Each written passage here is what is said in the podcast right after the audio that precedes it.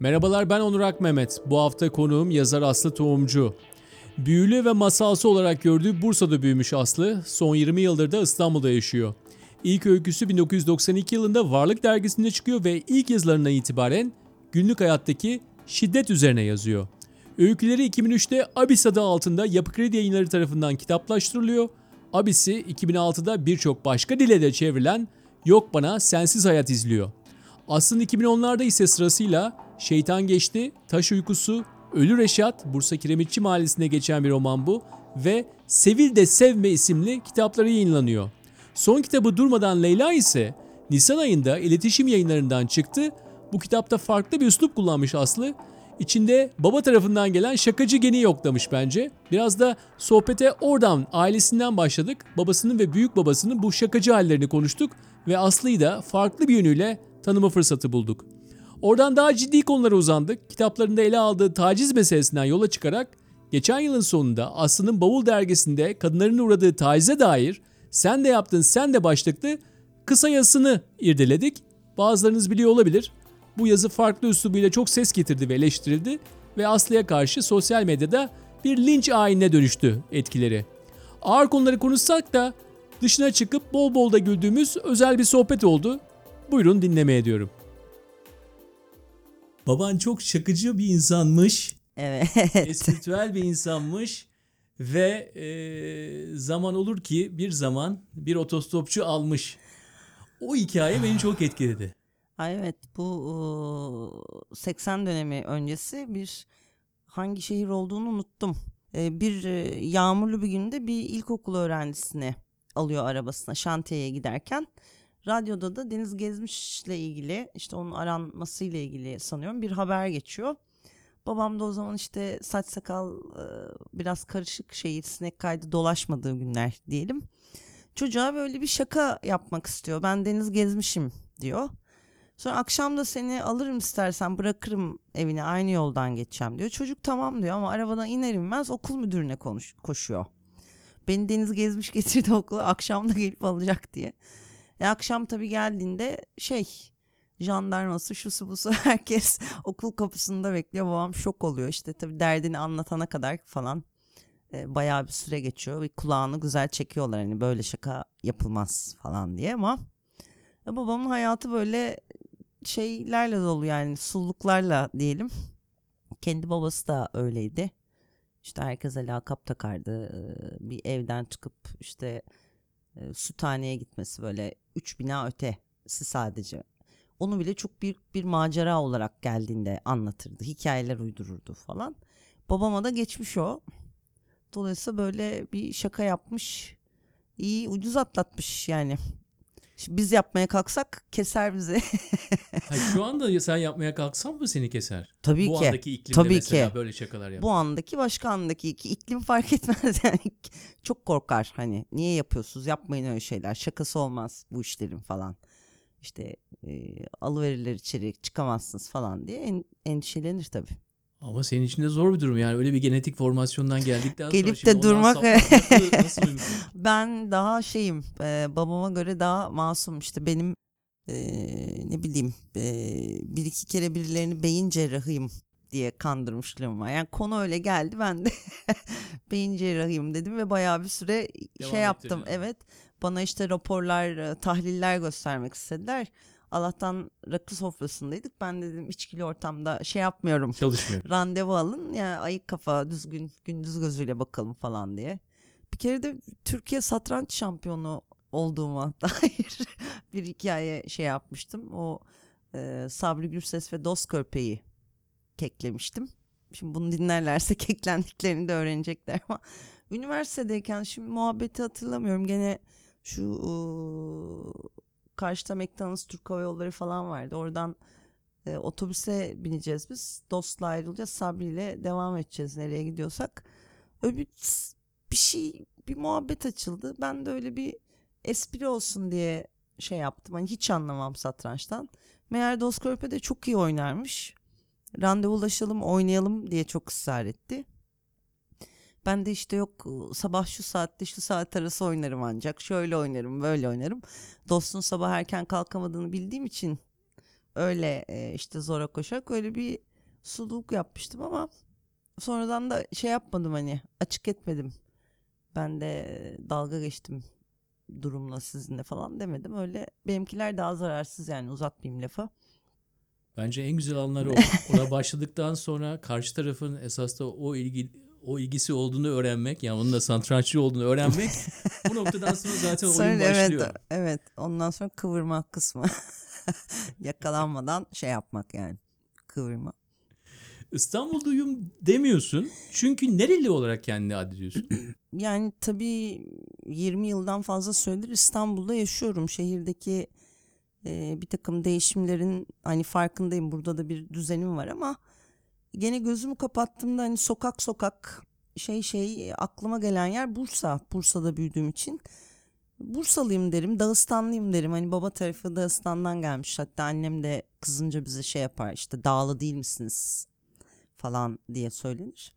Bu yüzden Bursalı olarak görüyorum kendimi. Hani hatta Ölü Reşat'ta da hem babamla ilgili bir takım şeyleri hem işte Bursa'yı da bir e, karakter yaparak, roman karakteri yaparak e, yazmak çok hoşuma gitti. Hani İstanbul'la ilgili öyle bir şey yapamam. Mesela bir semt hikayesi e, yazabilirim ama çok kısıtlı olur. Hani yaşadığım yerler belli işte Moda'ydı, Ümraniye'ydi, Kuştepe, Şişli falan. Ama Bursa öyle değil. Hani şimdi tabii çok değişti ama girip çıkmadığım çok az yeri vardı hani 18-20 yaşına kadar. O yüzden Bursalı görüyorum kendimi.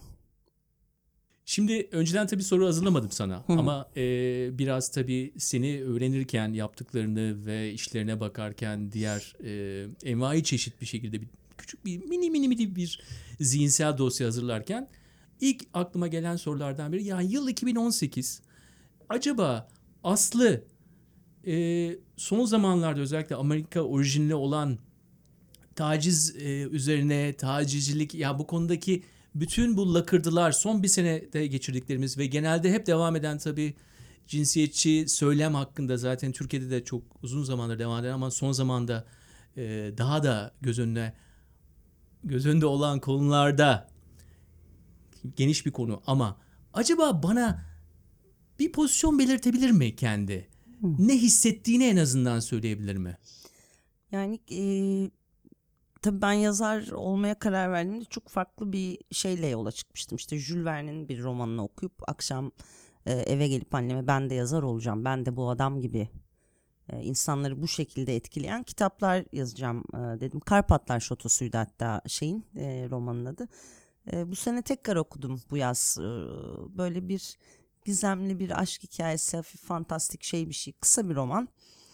Ee, sonra da düşündüm ya hayat tabii 15 yaşında yazar olmaya karar vermek o zaman işte bir şeyler karalamakla sonra iş ciddiye bindiğinde e, yazıp çizdikleri arasında çok e, büyük fark var. Deneyim farkı var bir kere. Hani Bursa'da e, epey sterilize politik olarak şey olarak sterilize bir çocukluk.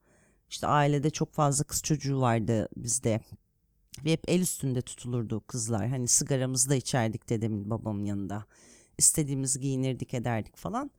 E tabi İstanbul ve İstanbul'da karşılaşılan insanlar deneyimle benim de bir kendi e, şiddet mi diyeyim erkek şiddeti deneyimim oldu. E, bir tanesi epey böyle bir 4-5 yıl e, süren. Ve bu da benim ilk kitabımı e, etkiledi. Yani ilk kitabım Abis bunun üzerineydi. Bu tip hikayeler üzerineydi. Daha sonra Şeytan Geçtiği yazdım. Hayatta karşılaştığım özellikle Hollanda'da karşılaştığım kadınlar İstanbul'da karşılaştığım e, işte bir manikürcüde bir hikaye dinliyorsunuz bir kadın kuaförde size bir şey anlatıyor yakın görüyor kendini falan.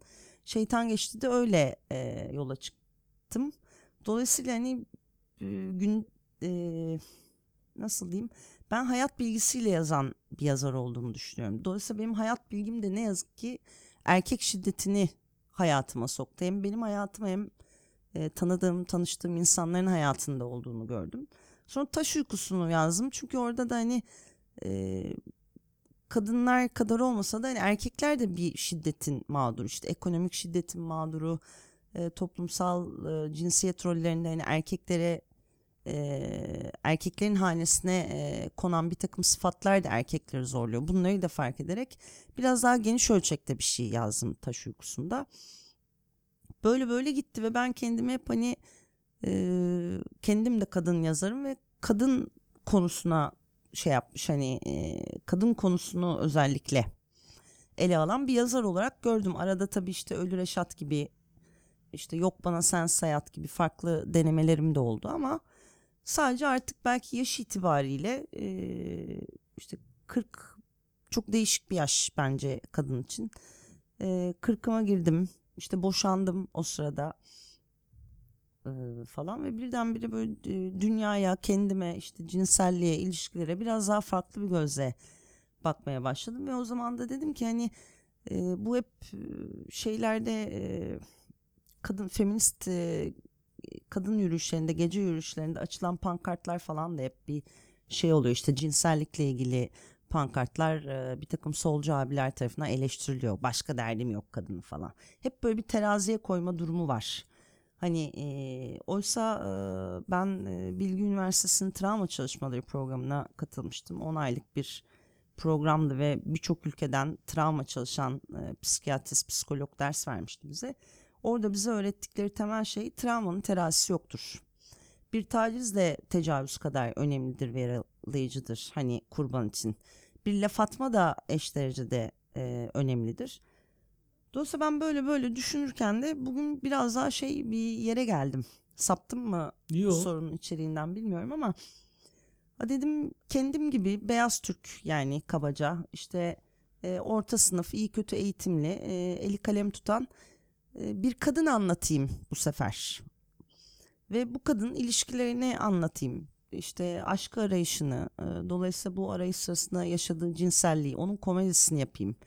Hem kadınla dalga geçeyim hem erkeklerle ilişki durumlarıyla. Son kitabından Son bahsediyorsun. kitabım evet Durmadan Leyla'da da oraya geldim. Harika bir kapağı var. Evet çok güzel bir kapağı var değil mi? Levent Çantay'ın e, keşfi o görselde. Dolayısıyla hala hani mevzum gene kadın. E, dolayısıyla kadın deyince işte onun içine taciz de gidiyor, giriyor, o da giriyor, bu da giriyor. Yani e, kadınların sorunları saymakla bitmiyor. E, sadece ben yöntem değiştirdim. Hani daha ne diyeyim yazmak yani tek başına yaptığın bir iş insanın. Millet dışarıda işte yerken içerken gezerken belki sevgilisiyle sevişirken arkadaşlarıyla gülüp oynarken sen e, bir odaya kapanıyorsun bir evde. Masanın başında tıkır tıkır yazıyorsun. Dolayısıyla işte abisi yazmak, taş uykusunu yazmak, şeytan geçti yazmak depresif deneyimler. Yani e, mağdurun ağzından e, karanlık karanlık hikayeler anlatıyorsun işte dayak yemesinin, küfür işitmesinin, itilip kakılmasının, hayallerinin birine bile ulaşamamasının, işte yok duvar kağıtlarını söküp yemek zorunda kalmasının falan gibi ve çoğu da gerçek olan şeyler. Ama benim bir hayatta bir komedi da- damarım da var yani ben gülmeyi neşeyi çok seven bir insanım. Ee, sırf hüzünle var olamam yani ölür giderim hani e, çiçek gibi solar giderim falan hatta. Dolayısıyla durmadan Leyla'da bunu denedim. Ya dedim artık hem yaş itibariyle biraz e, cesaretlenmenin mi diyelim hani belli mevzuları konuşmak için e, yaşım geldi artık yani daha rahat edebilirim. E, iyi kötü hani bir rüştümü de ispatladım mı diyelim hani görücüye çıkmışlığım var diyelim ya da hani edebiyat e, camiası anlamında.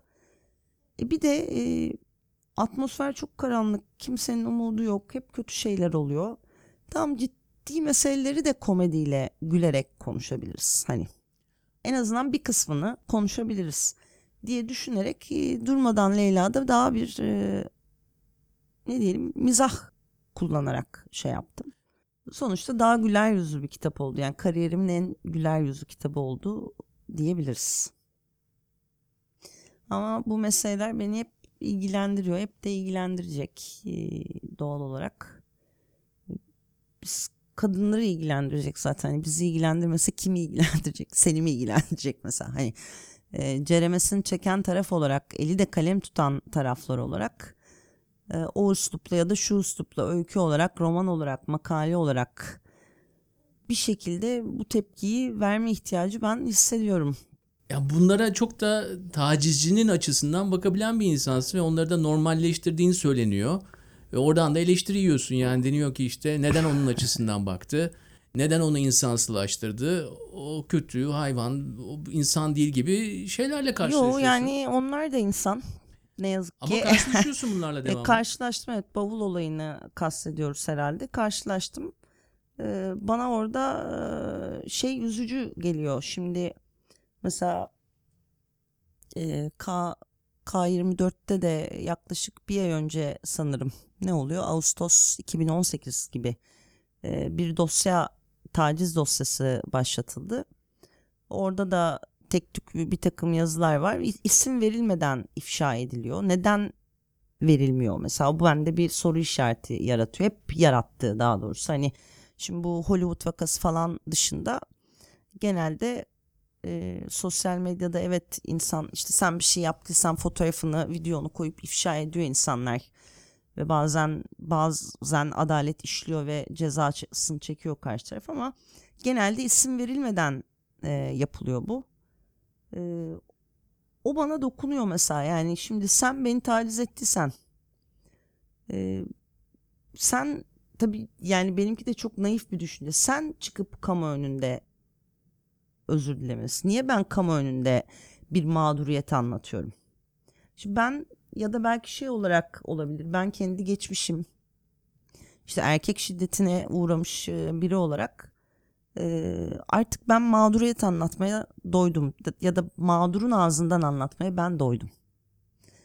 Öyle olmasaydı zaten durmadan Leyla gibi bir roman yazmazdım. Başka bir roman yazardım. Yani senden Mesela. aldığın bu zaman geçtikçe sen de bir serüvenine girmişsin yani. Bu Herkes gibi, Bana da bu evet. çıkmış gibi yani. Bir şekilde kağıtlar dağıtılmış ve onunla birlikte evrilmişsin Evet. ve onunla bir yere gelmişsin. Yani sonuçta 25 yıllık yani yazı Neredeyse, hayatı evet. olarak Hı hı. tabii öyle bir zamandan bahsediyoruz. Uzun bir zaman, çeyrek yüzyıl. Evet. E yani şimdi aynı şeyleri de tekrarlayamam diyorsun. Ben de ilerliyorum. Ben de başka yerlere Yani diyorsun. mümkünse tabii. E sizinle de aynı dili kullanmakta zorunda değilim yani. Çünkü bir konuda da biraz da deneyimliyim yani bu konuda. Evet. Yani herkes hikayesini bence istediği gibi anlatabilir diye düşünüyorum. Hani eee, ve yani bu şey bir olay. Şimdi mesela eee, Seray Şahiner benim arkadaşım. Eee, onun eee, Antabus adlı romanı tiyatro uyarlandı ve biz 4-5 kişi bu oyunu seyretmeye gitmiştik. Bundan 2 sene önce yanılmıyorsam. Eee, Etiler'de bir tiyatro ve böyle bir eee, metal eee, bir platform yapılmış. Seyirci de platformun içinde. Dolayısıyla bir yere kıpırdamanız söz konusu değil. Fakat oyunun bir yerinde bana çok dokundu ve çok kötü hıçkıra hıçkıra ağlamaya başladım ben. Ve çıktım. O akşam ben eee, şunu gördüm. Birlikte bu oyunu izlediğim insanlar evet e, etkilendiler. Eee, bir yarım saat 45 dakika işte konuşuldu. Sen romanı okudun mu okumadın mı? Oyun şöyle güzeldi işte oyuncu şöyleydi, reji böyleydi falan filan. Tiyatrocu arkadaşlarla gitmiştik. Sonra hemen konu değişti. Başka şeyler konuşulmaya başlandı. Fakat ben orada kaldım. Gördüm ki hani başkaları orada kalmıyor. Yani eee, hem bunun için bir şey yapmak hem yani eee, bunu kıracak bir dil bulmak gerekiyor. Ben buldum diye söylemiyorum bunu. Ben de bulmadım. Öyle bir dil var mı onu da bilmiyorum.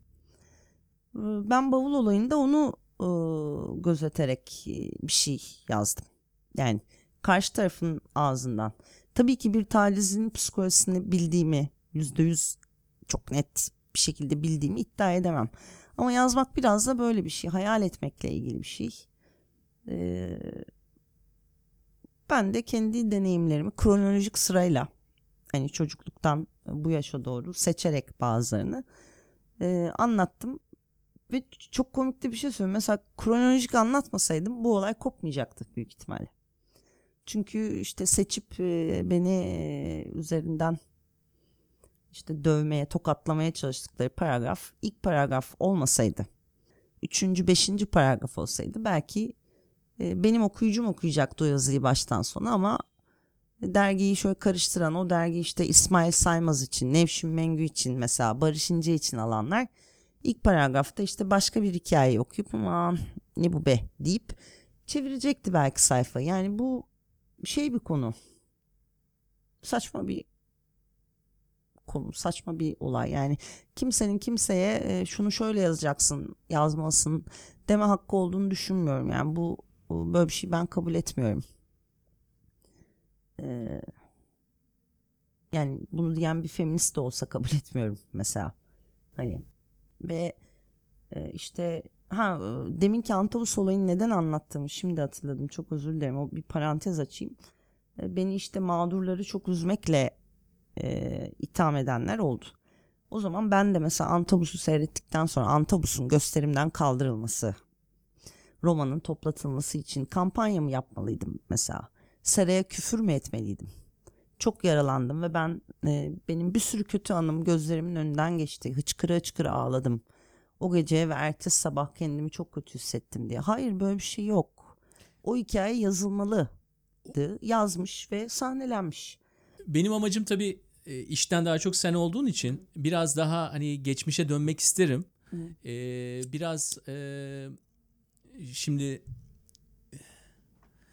insanın böyle sıvı halde olması var ya yani yaş gittikçe galiba biraz daha katılaşıyoruz Bazı Ee, açılardan evet. bazı açılardan. E, o anlamda hani şimdi ilk başta hani babanın örneğinden girdik. Çok espritüel bir Evet. aile. Dededen başlıyor. Belki de daha öncesinden başlıyor. Çılgınlar. Benim tabirimle güzel bir genetik formasyon. Ee, ve hikayeler anlatılıyor. Ve sen devamlı bu hikayeleri dinliyorsun. Yani bir tane üç sokak ötedeki yere gitmek de bir hikaye. Eskiden onların başına geçmiş bir şey de hikaye. Hatırlıyor musun mesela yani daha önce belki de yazılarına e, ilham olmuş olabilir, başka yerde anlatmamış olabilirsin ama böyle hangi hikaye aralarından sıyrılıyor ki? Mesela hep e, şey anımsadığım çok da hoşuma giden e, babamın dedesi, yani babamın babası Mehmet dedem e, hafızdı, müezzindi aynı zamanda. Hep şey derdi, ben minareye çıkınca ezan okumak için kızlar minarenin dibinde toplaşır derdi mesela.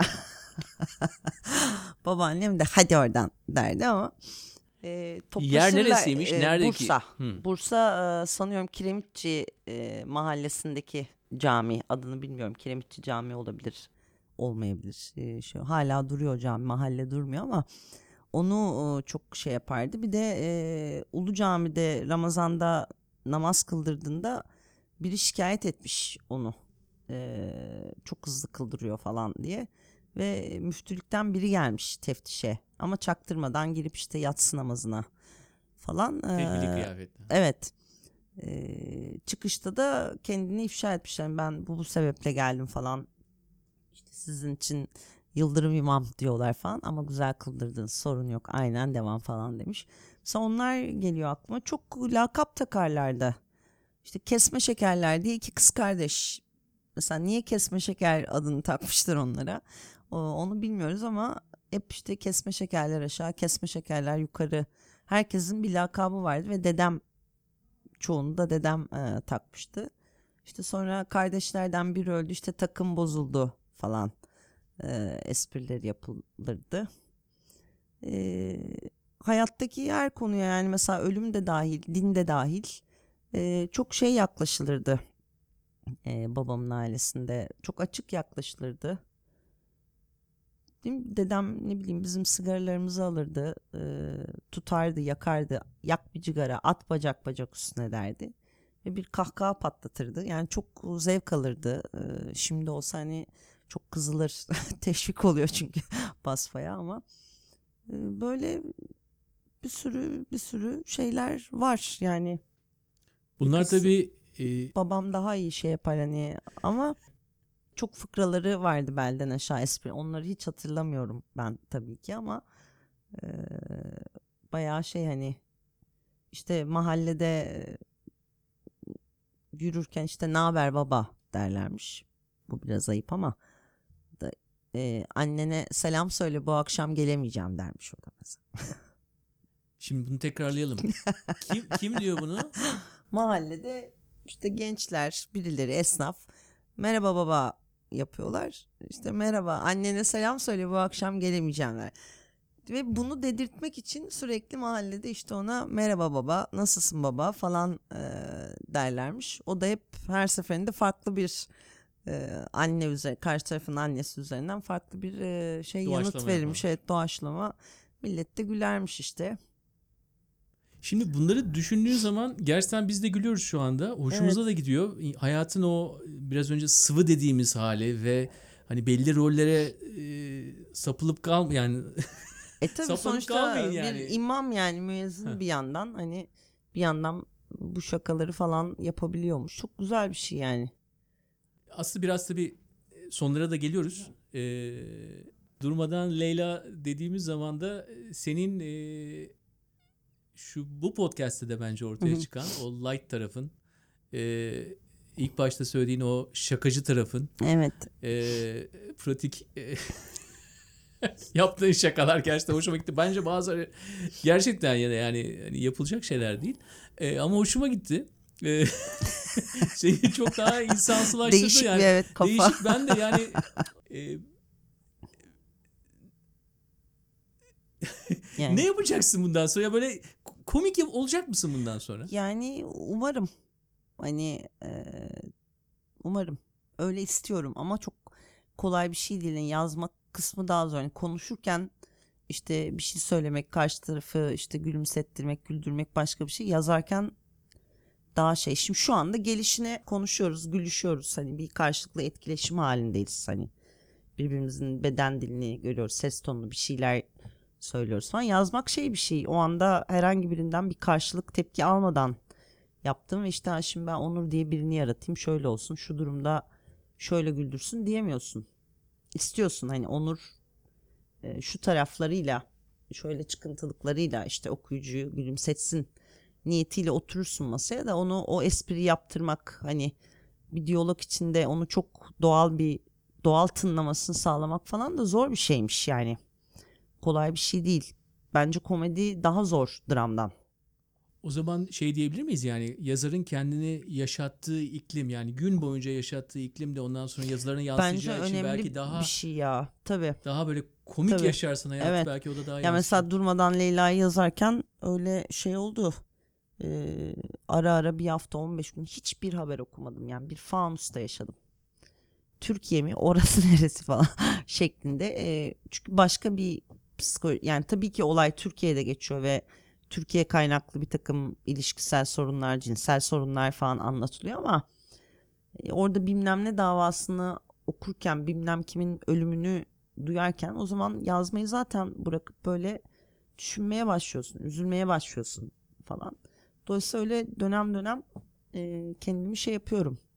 Koparıyorum yani Türkiye'den son bir senedir falan. e, işe yarıyor. Son dönüşte tabii şey arayı telafi etme işte neler olmuş bitmiş onları oku bak falan. Gene bir e, negatif yükleme oluyor ama ama bence yazan yazmayan herkes yani işte sosyal medyaydı, haberdi, şuydu buydu. Hani bunun bir günlük limiti olmalı. 15 dakikadan bir saate kadar. Fazlası gerçekten çok depresif bir şey. Çünkü değiştiremeyeceğimiz, mücadele edemeyeceğimiz kadar çok korkunç şey oluyor ülkede. Yapılabilecek en iyi şey hani bazı şeylere tavrımızı koymak, tepkimizi göstermek, yapılacak bir şeyler hani onları yapmak, koşturmak falan. Onun dışında bir araya gelmek, söyleşmek, gülüşmek. Ee, veya iyi güldük ya bu akşam deyip ertesi gün tekrar işte o karanlığa o şekilde o gecenin bir önceki gecenin eşin dostun şey yaptığı aydınlıkla adım atmak diyeyim. İyi ki buradasın Aslı. Teşekkür ederim. Eğer sosyal medyayı falan kapatacaksan bir 15 gün yine de her perşembe saat 5'te bizi bir dinlersin. tamam. tamam. Söz. Çok teşekkür ederim. Biz teşekkür ederiz.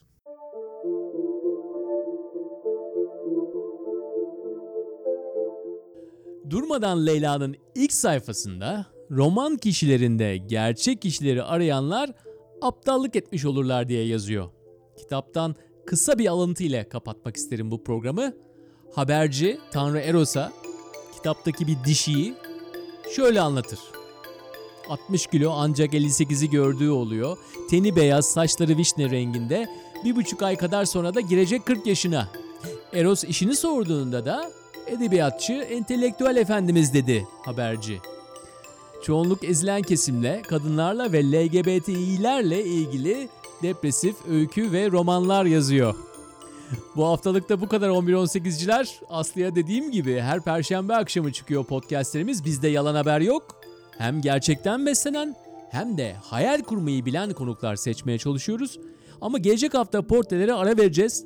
Bu sefer yine hayaller ve gerçek dünyasında geçmişten bir yerden Gazi Mahallesi'nde gerçek hayatlarını futbol hayalleriyle süsleyenlerle ilgili bir hikaye sunacağız sizlere. Onun için haftaya görüşmek üzere diyorum. Haydi hepimize rastgele.